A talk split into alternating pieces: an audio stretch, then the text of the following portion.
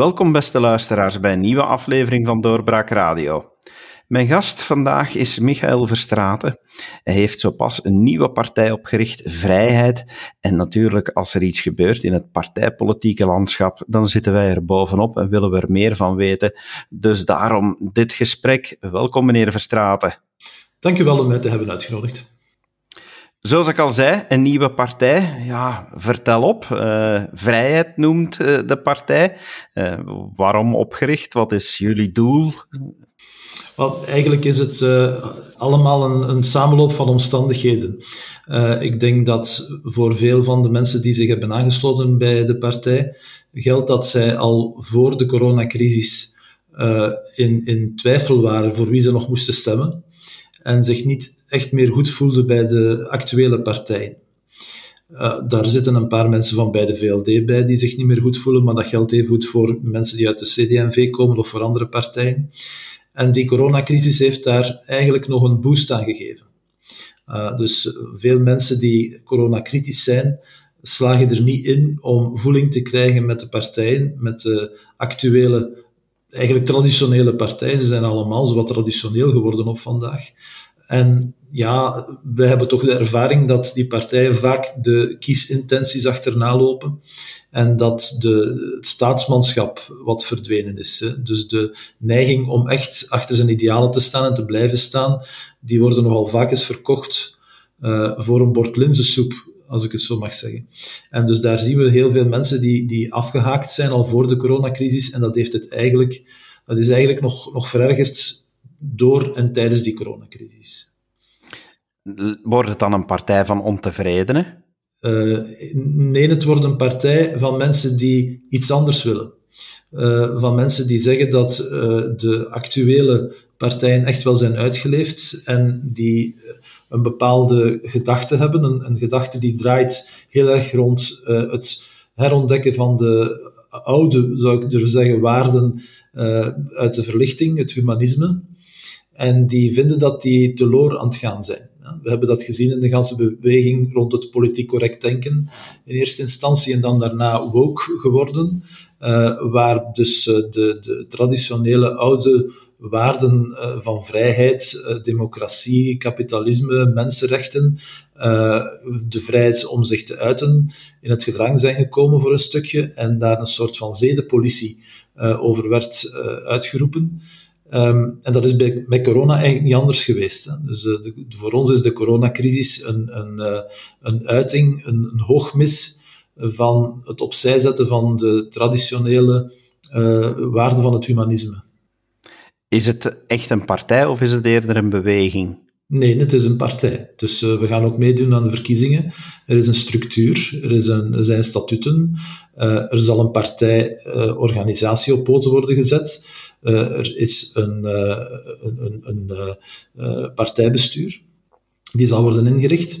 Uh, wij gaan op een heel gestructureerde manier aan het werk. We gaan wel in eerste instantie uh, groepen vormen in de provincies, die zijn ondertussen al gevormd. En daarna gaan we kijken of we op lange termijn we het ook in de gemeentes moeten doen, maar nu is het nog op provinciaal niveau. We hebben in alle provincies ondertussen al groepen die bezig zijn, die actief aan het werk zijn die ook de teksten van het congres hebben voorbereid. Dat, dat was eigenlijk een heel interessant proces om te zien. Er sluiten hoe langer hoe meer mensen aan die geïnteresseerd zijn. Wij gaan volgend jaar uh, starten met campagnes. We moeten naambekendheid krijgen. Dus er komt radioreclame, er komt reclame via advertenties, er komt uh, publiciteit uh, via krantjes die we gaan, gaan laten bedelen. Uh, we gaan een nieuwszender oprichten. Enfin, er is een heel arsenaal aan plannen die zich ontvouwen en op basis waarvan we gaan proberen om de kiezer te bereiken en te tonen dat we bestaan. Want dat is in eerste instantie wat er moet gebeuren. We moeten aan de kiezer zeggen dat we er zijn en dat de kiezer weet dat we er zijn. En op die manier willen we eigenlijk ook al wegen op het beleid. We willen al wegen op beleid nog voordat er verkiezingen zijn, door aanwezig te zijn, door onze standpunten kenbaar te maken en door mensen te overtuigen. En ik denk dat dat een belangrijke factor is, dat het niet alleen gaat over 2024, het gaat er ook om, op om op vandaag al aan de partijen te zeggen dat ze uitgeleefd zijn en dat ze veel te veel de kiesintenties achterna lopen en draaien als de wind en dat dat moet gedaan zijn. Hè als wij zeggen dat we gaan voor de fundamentele waarden van de verlichting, dan menen we dat ook en dan staan we daar ook ten volle achter. We gaan niet van vandaag op morgen van, van, standpunt veranderen, zoals we dat nu veel te veel zien trouwens. De partij is eigenlijk gegroeid uit de beweging die wel een een burgerbeweging is, viruswaanzin, die ondertussen al, ondanks alle stormen van kritiek die we over ons hoofd hebben gekregen, op een zeer standvastige manier al bijna anderhalf jaar hetzelfde zegt. En dat ontbreken we in de politiek en we denken dat we dat op een veel betere manier kunnen brengen, uh, op een belangloze manier. Het is uiteraard gegroeid uit een burgerbeweging, het is een beweging van burgers uh, die vinden dat het anders moet. U zegt het zelf, het is gegroeid vanuit viruswaanzin, want ja, daar kennen we u van. Eh, wie een beetje de pers volgt, eh, die heeft eh, uw naam al wel tegengekomen. Maar u spreekt over we, dus het gaat wel breder dan enkel de persoon waar ik nu mee spreek. Oh ja, absoluut. Dus we gaan een partijbestuur inrichten waar er verschillende mensen in zullen zitten. we gaan die ook presenteren aan de, aan de mensen. er zijn uit alle provincies ondertussen al mensen die zich willen engageren.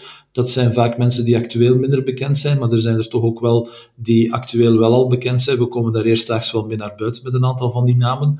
Dus die, um, die, die beweging die wordt gesteund en die wordt meer en meer gesteund. Het is absoluut geen uh, Einzelganger uh, toestand. Het gaat een brede beweging worden. Wij hadden, om u een idee te geven, op ons eerste congres uh, fysiek congres dan in september hadden we een negentigtal mensen die aanwezig waren. Wel, nu zondag waren we met 230.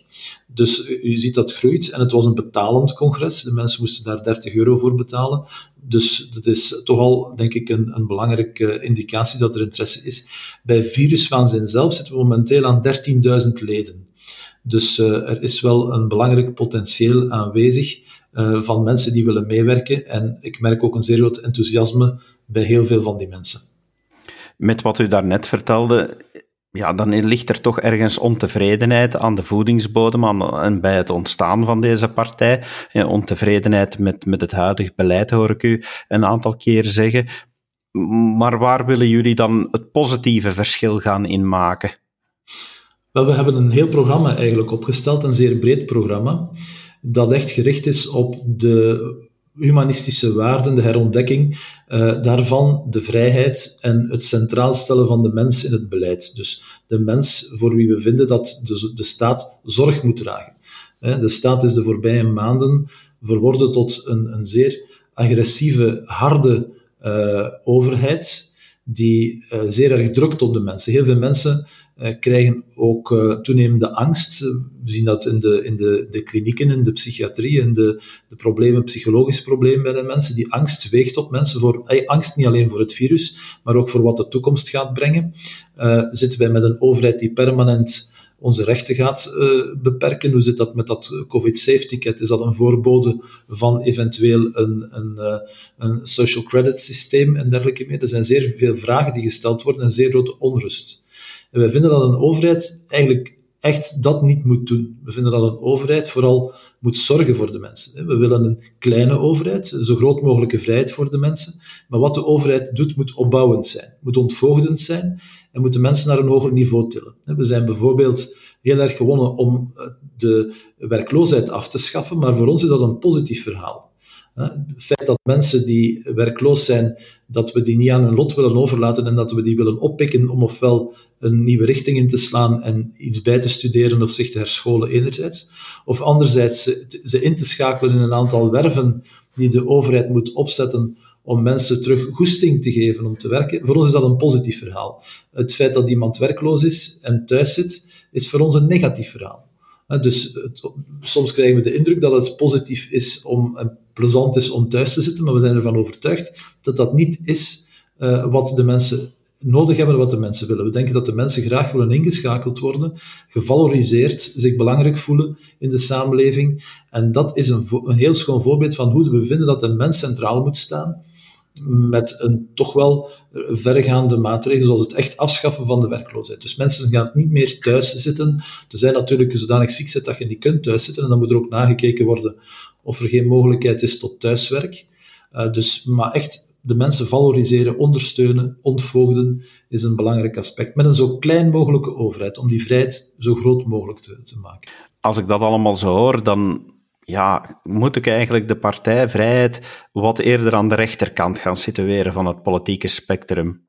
Ja, dat, is, dat is een beetje een, een, een, moeilijkheid in die zin dat we ook wel enorm gewonnen zijn voor die zorg voor de mensen. Hè.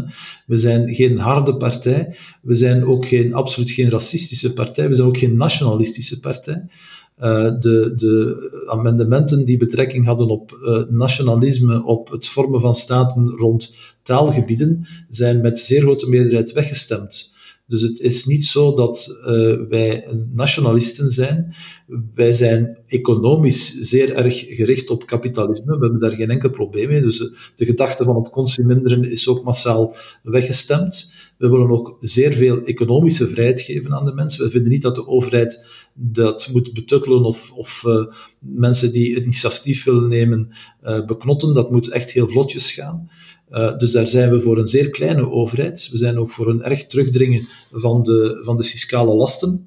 De vereenvoudiging, een zeer sterke fiscale vereenvoudiging. We zijn bijvoorbeeld voor een eenheidsstatuut, hè, voor het afschaffen van het verschil tussen bedienden, zelfstandigen, dus werknemers beter gezegd, zelfstandigen, ambtenaren en, en, en, en van ja, werknemers, die, die, die categorieën, zo zouden we graag één statuut voorzien, want we vinden dat ook niet meer van deze tijd. Uh, als je ziet dat mensen die bijvoorbeeld websites uitbaten, ja, die doen dat dan in opdracht voor iemand anders. Is dat dan nog echt een arbeidsrelatie? Is dat een zelfstandige relatie?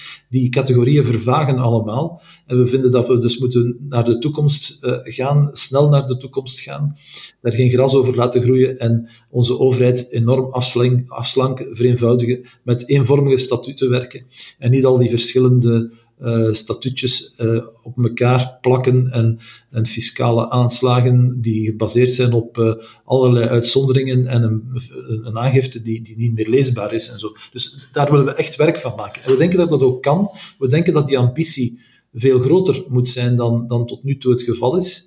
We merken dat in zaken COVID de sky the limit is en alle maatregelen mogelijk zijn. Maar als het erom gaat om echt te doen wat we allemaal nodig hebben, dan blijft de staat achter op vandaag. En we vinden dat niet logisch, we vinden dat we echt ambitieus mogen zijn. Eén thema heb ik u nog niet horen vernoemen, wat momenteel toch eh, enorm ook opspeelt. Dat is klimaat, energie, alles wat daarmee te maken heeft. Eh, hoe staan jullie daar tegenover? Ja, er, zijn, er zijn drie belangrijke aspecten voor ons daaraan. Het eerste aspect is dat we um, ons eigenlijk focussen op de vraag of we in staat gaan zijn om inderdaad het klimaat over de ganse aarde te beheersen. We denken dat dat geen evidentie is.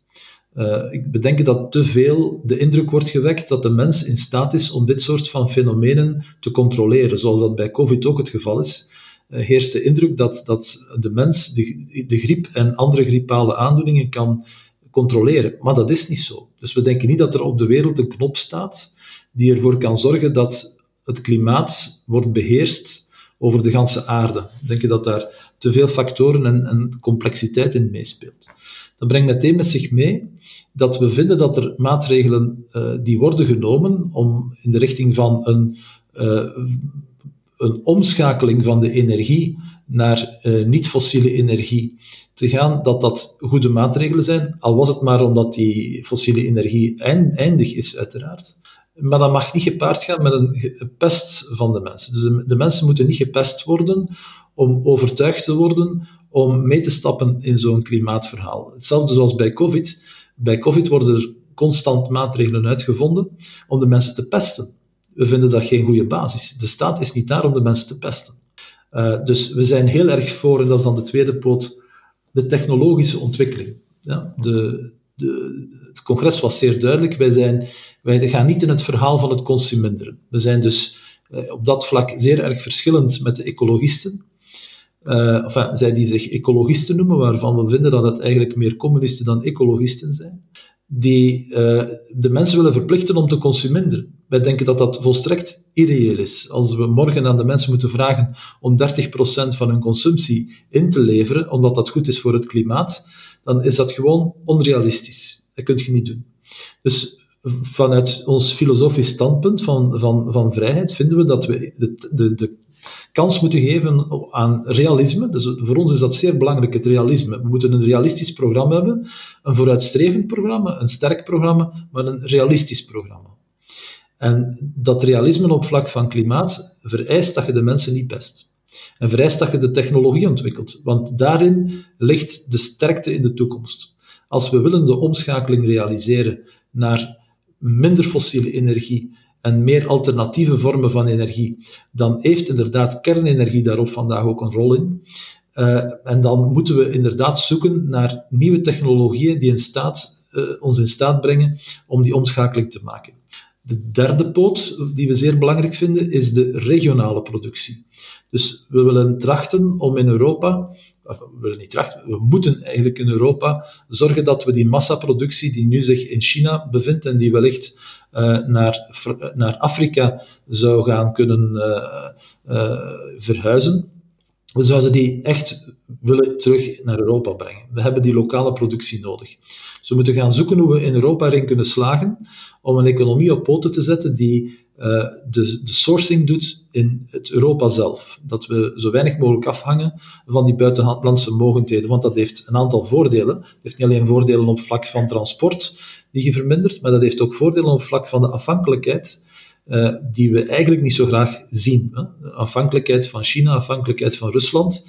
We denken dat dat geen goede zaak is. We willen een sterkere uh, lokale uh, samenhang in Europa. Natuurlijk gedemocratiseerd, dat is dan een heel ander hoofdstuk nog, want nu is Europa veel te weinig gedemocratiseerd.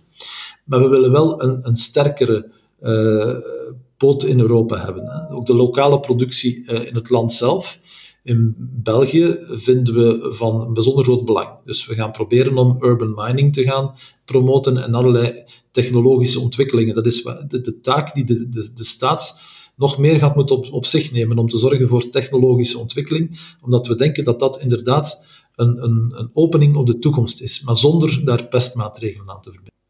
Als ik u allemaal zo hoor, dan ja, merk ik toch ergens een resonantie me het gevoel geeft, is dit de hergeboorte van de partij LDD? Ik zal niet ontkennen dat er een uh, affiniteit is met wat uh, meneer De Dekker zegt. Dus wij proberen inderdaad een bijzonder rationele partij te zijn, die zich niet laat leiden door angstgevoelens of door gevoelens van urgentie, als, als wij moeten kijken naar wat er moet gebeuren. bijvoorbeeld op vlak van migratie is het zo dat onze regels eigenlijk vrij goed in elkaar zitten. Alleen moeten die toegepast worden. Uh, het feit dat er mensen zijn die een bevel krijgen om het grondgebied te verlaten, dat niet doen en er dan nog tien anderen krijgen, ja, dat, dat, is, dat is niet houdbaar. Uh, we moeten er echt voor zorgen dat uh, we die zaken uitvoeren. Iemand die een bevel krijgt om het grondgebied te, te verlaten, die moet gaan. En gaat die niet, dan moet die gebracht worden. Simpel is dat. Of dat dat nu op een vliegtuig moet, of op een trein, of op een weet ik veel wat, dat interesseert mij eigenlijk weinig. Die, die moet gebracht worden. Dus als dat, als dat dan vereist dat er een vliegtuig moet gecharterd worden, waarin er een aantal mensen worden teruggevlogen, dan is dat zo. We moeten daar toch niet onnozel over doen. Uh, dus uh, ja, vooruit wat er is. Er zijn grenzen aan Europa. Oké, dan die grenzen, daar gaat je niet over. Zo simpel is dat. En, en dat, moet dan, ah, dat moet dan inderdaad bewaakt worden. Dus wij zijn voor die kleine staat, maar die staat die, die, een, sterke, die een sterke staat is als het erom gaat, de grenzen van de vrijheid die we zo laag mogelijk leggen, te bewaken. Dat moet wel effectief zijn. We willen geen Slapianus-staat zoals het op vandaag is, waarbij aan de ene kant wordt gezegd van ja, we moeten toch wel iets doen aan de migratie, maar als het daar dan op aankomt op het terrein, dan gebeurt er niks. We zijn ook absoluut tegen woke. Dus uh, al dat soort van verbloemingen, om, om, om toch maar de zaken niet te moeten zeggen zoals ze zijn. Kom zeg, zeg de zaken gewoon simpelweg zoals ze zijn. Geen gezever. Uh, ook met gans die coronatoestand merken we dat er allerlei uh, strategische boodschappen worden uitgestuurd, die dan zelfs worden bedacht door de infocel. Stop daar eens mee, zeg. Mensen zijn geen kleine kinderen. Zeg de mensen gewoon vierkant waar het op staat. Zo simpel kan het toch maar zijn. Iemand begint natuurlijk met een partij vanuit een zeker idealisme, maar als we toch ook een stuk realisme er gaan bijbrengen, hoe groot acht u de kansen om, ja, als we vooruitkijken, om in 2024 aan de verkiezingen kunnen mee te doen en ja, hopelijk dan voor u boven die kiesdrempel te gaan eindigen? Wel, uh, de ambitie is heel simpel. Wij willen 15% van de kiezers overtuigen. Dat Waarom is inderdaad al een stevige ambitie. Dat is een stevige ambitie. Waarom 15%? Omdat we denken dat hier voor de mensen die nu blanco en ongeldig stemmen, en dat zijn er heel veel, dat hier een opportuniteit ligt om eens echt te kiezen voor een partij die nieuw is en die niks te maken heeft met al die andere partijen. Dus uw stem kan echt iets waard zijn. We hebben ook een boodschap voor de kiezers die bij de andere partijen zich niet meer goed voelden en die zelfs bereid waren om voor extreem rechts of voor de communisten te stemmen. Zij moeten niet vluchten naar die extremen om een alternatief te hebben. Ze kunnen echt bij ons terecht. En dat wij inderdaad aan de poten zagen van die grote partijen en van die van grote, kleine partijen eigenlijk ondertussen, uh, traditionele partijen, dat wij aan die poten zagen dat ze dat daar niet graag hebben, dat is evident. Dus wij bieden een alternatief voor veel mensen. Veel mensen zijn op zoek en wij zijn echt wel het antwoord uh, op wat, waar mensen naar op zoek waren. En de meeste mensen van bij ons, die bij ons zitten, die hebben datzelfde gevoel. Hè? Die voelden zich ook niet meer thuis, die wisten ook niet meer voor wie stemmen voor de verkiezingen. En corona heeft dat alleen nog maar ja, versterkt, dat gevoel dat je niet meer weet voor wie je uiteindelijk moet kiezen. En we, wij zijn absoluut niet voor extreem rechts. Wij zijn absoluut tegen racisme uh, en alles wat daarmee te maken heeft. Dus mensen die uit, uit, ja, uit een, een, beperking van hun, hun kiesmogelijkheden vluchten naar extreem rechts, dat is eigenlijk niet goed. En wij bieden dat alternatief. Uh, daarnaast bieden we ook wel een alternatief voor mensen die zich echt niet meer goed voelen in, in de liberale partij. Uh, er zijn al diverse leden van de VLD die zijn, die zijn overgekomen tot bij ons. Uh, maar ook mensen die zich bij de Socialistische Partij, het dirigisme van de Socialistische Partij, niet meer goed voelen en die vinden dat daar op een andere manier mee kan omgegaan worden. Mensen die zich bij de Groenen niet goed voelen, die denken dat inderdaad de analyse dat er iets moet gebeuren op vlak van leefmilieu en dat er iets moet gebeuren aan, aan de manier waarop wij produceren en waarop wij in de wereld staan, uh, ja, die mensen zijn bij ons ook welkom. Er zijn bij ons heel veel mensen die, aan, die overdag bijvoorbeeld uh, aan, aan, aan een kapitalistische job doen, als ik het zo mag zeggen. Dus die ondernemers zijn en die s'avonds naar de yoga gaan of zo. Ja, dat zijn, dat zijn, dat zijn typisch mensen die, die bij ons ook een gating kunnen vinden. Hè. Uh, als, als je voor ecologie bent, moet je niet noodzakelijk meer alleen maar kijken naar uh, wat, wat, de, wat groen doet en die dirigistische gedachten, uh, gedachten die eigenlijk ja, zeer, zeer rood en zeer extreem rood zijn eigenlijk, maar dan in de, in, de praktijk niet worden gerealiseerd in de regering. Hè? Uh, maar die, die, die extreme gedachten aan de ene kant en dat consumeren aan de andere kant, dat totaal niet realistisch is, ja, die, die, die gaan bij ons een, een, eh, een, een plaats vinden waar zij met de twee voeten op de grond iets kunnen doen voor hun idealen. En dat is denk ik zeer belangrijk. En uw taak binnen de partij is voorzitter? Ja, ik ben voorzitter. Dat betekent dat ik op dit moment woordvoerder ben en dat op termijn, als wij meer mensen krijgen in het partijbestuur, er nog andere mensen zullen naar voren komen. En het is nu mijn taak om dat partijbestuur uit te breiden, om de campagnes voor te bereiden, dat wij naambekendheid krijgen, dat die, die naamvrijheid in de oren klinkt. En dat als er verkiezingen komen, dat het duidelijk wordt waarvoor wij staan en dat de mensen ook weten wie we zijn. Dat is mijn eerste taak nu op vandaag. Vreest u niet dat de partij ook net misschien iets te veel gaat afgerekend worden op het feit dat mensen u kennen als de advocaat van ja, toch een aantal virus-sceptici, zal ik ze maar noemen? ik heb daar geen probleem mee. De mensen hebben recht op een advocaat. Hè? Het is niet zo dat ik, uh, bijvoorbeeld als u het heeft over Willem Engel, dat ik uh, alle gedachten van Willem Engel deel. Dat hoeft ook helemaal niet. Ik heb in mijn leven ooit eens uh, Diab Abu Jaja verdedigd. Uh, dat is trouwens op televisie gekomen, vandaar dat ik het u kan zeggen. Uh, en ik volgde toen niet de gedachtenstroom van Diab Abu Jaja, dat, dat ver van, van mij. Maar ik vond wel dat die man toen onterecht in de gevangenis was opgesloten omwille van zijn protest die hij had gedaan in, op een demonstratie in Antwerpen. In een democratie sluit je de mensen niet op omdat ze op straat komen. En hij is toen ook bevrijd geworden. En achteraf gezien heeft men ook in het parlement dat moeten erkennen dat dat, uh, dat, dat een verkeerde beslissing was. Dus als advocaat staat je niet altijd achter de mensen die je verdedigt op, over alles wat zij denken. Maar er is een punt waarvan dat je zegt, kijk, dit, dit is voor mij een verdedigbare zaak. Uh, wat het dossier Willem Engel betreft en, en, andere dossiers, ik ben trouwens op dit moment geen advocaat meer van Willem Engel, uh, is het belangrijk om te zien dat wij in ons land rechtspraak moeten krijgen die gaat over de vraag in welke mate men op sociale media vrij zijn mening kan zeggen. Hoe ver kan dat gaan? U weet dat de Belgische Senaat net met een rapport is gekomen over de maatregelen die zouden kunnen worden getroffen om dus de agressiviteit en de boodschappen op sociale media aan te pakken. Wel, wij vinden dat daar vrijheid moet, moet heersen, uiteraard. En het is goed dat de rechtspraak daar een lijn in trekt. En of die lijn nu een lijn zal zijn waarbij dat de, um, de uh, vrijheid inderdaad onderlijnd wordt, en men zegt dat eigenlijk het verdrag, het Europees Rechten van de Mens, de meningsuiting zeer breed uh, mag toelaten, dat is eigenlijk alleen maar goed. Dus het is niet zo dat als, als, als iemand een procedure voert, waarin, of als een advocaat een procedure voert, dan is het soms ook wel om een bepaalde principesrechtspraak te creëren. En dat te gaan catalogeren als een wedstrijd met winners, winnaars en verliezers, waar dan de hooligans aan de kant staan en juichen als de ene wint en de andere verliest en omgekeerd. Ja, zo werkt dat niet natuurlijk. Hè. Rechtspraak is een, een, een evolutie um, die de maatschappij ook bepaalt. En het is belangrijk dat die rechtspraak duidelijkheid brengt voor een aantal zaken. Ik zal de eerste zijn om te juichen dat een rechter schrijft dat de uh, vrijheid van meningsuiting zeer breed is en dat alle meningen op sociale media toegelaten zijn, zelfs als ze bijzonder agressief zijn. Dus het is, het is een, uh, dat, dit is niet zo'n evidentie om te gaan zeggen dat ik mij heb gesteld achter uh, meneer X of meneer Y. u weet trouwens dat ik geen complotdenker ben, dat, daar sta ik ook voor bekend. Ik, krijg daar, ik denk dat ik de man ben die in ons land het meest discussieert met complotdenkers. Um, maar dat wil niet betekenen dat ik die mensen uitsluit.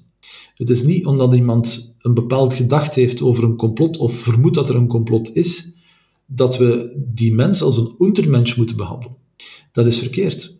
Uh, wij kunnen niet uitsluiten op basis van wat mensen denken. En ik heb met die complotdenkers gemeen dat wij alle twee denken dat de maatregelen verkeerd zijn. Ik denk dat vanuit een rationeel uh, wetenschappelijke benadering. Wij worden door heel veel professoren geadviseerd. Wij volgen ook uh, heel veel professoren wat zij internationaal zeggen. Onder andere Hennigan op dit ogenblik, die toch wel zeer sterk naar voren komt in Groot-Brittannië. Uh, maar ook Ioannidis bijvoorbeeld en Kuldorf en een aantal andere epidemiologen van, van zeer sterke reputatie. Dus van, van daaruit is, is mijn benadering dat die maatregelen verkeerd zijn. Er zijn andere mensen die vinden dat die maatregelen ook verkeerd zijn vanuit een andere eh, standpunt, vanuit een andere filosofie. En we hebben op ons congres daar heel duidelijk met elkaar over gesproken. Want ik ga je niet verhelen dat er inderdaad in de partij een aantal mensen zijn die dat, die dat aannemen, die, dat, die, daar, die geloven dat er een soort van plan achter zit. We hebben tegen elkaar gezegd dat we dat niet in het programma gaan zetten. Dus we gaan niet aan de mensen zeggen dat wij vinden dat, we, dat corona een complot is. En waarom doen we dat niet? Om de dood eenvoudige reden dat we naar buiten komen met het feit dat we oplossingen hebben voor de problematiek die zich vandaag stelt en dat we allemaal samen het erover eens zijn dat de maatregelen verkeerd zijn. Los van de achtergrond van de maatregelen. Dus, eh, verstaan u? En, en dat is een veel correctere manier van met de mensen omgaan dan, dan een manier om mensen af te slachten, of om men, figuurlijk dan, of om men te zeggen dat ze een soort van untermenschen zijn, of dat met hun rekening, mening in rekening kan worden gehouden, of dat ze idioten zijn. Uh, ja, dat, dat, dat is toch wel... Uh, misschien moet ik daar toch eens iets over zeggen. U weet dat vorig jaar uh, de rechter in Brussel gezegd heeft dat wij intellectueel armoedig zijn. U zal misschien zich dat, dat vonnis herinneren. Um, wel, die rechter heeft dat toen gezegd omwille van het feit dat wij hadden geschreven dat corona niet zo erg is, niet zo zwaar is als de Spaanse griep. Nu, de Spaanse griep zou op vandaag 200 miljoen doden geëist hebben. Dus ik denk dat het intellectueel zeer correct was om te zeggen dat corona veel minder zwaar is dan de Spaanse griep. Uh, ongeveer 20 keer minder kunt je hem inschatten op dit ogenblik. Dus dat, dat was hoegenaamd niet uh, intellectueel armoedig. Maar dat wordt dan toch maar door een rechter geschreven in een vonnis. op die gronden. Uh, die rechter schreef ook dat hij veel meer geloof hechtte aan het, het, uh, de 120.000 doden die voorspeld waren door Neil Ferguson, terwijl iedereen op vandaag, inclusief bijvoorbeeld professor Maarten Boudry, ja, iedereen zegt dat dat artikel van Neil Ferguson een zeer slecht artikel was, waar er heel veel fouten in zaten. Maar toen in die tijd waren wij zowat de enigen die dat opmerkten. En um, ja, die rechter die, die vond dat wij idioten waren, hè, om het kort te zeggen. Dus dat soort van, van beledigingen, dat is zeer ongepast.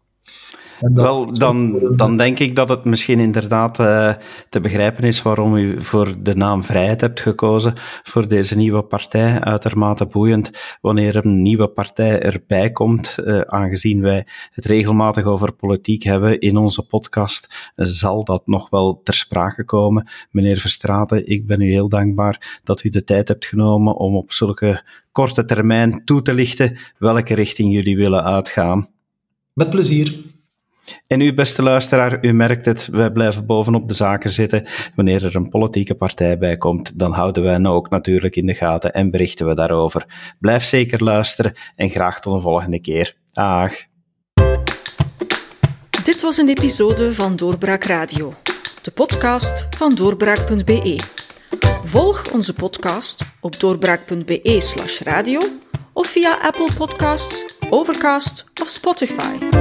Bezoek ook onze website op doorbraak.be en steun ons door een vriend te worden van Doorbraak.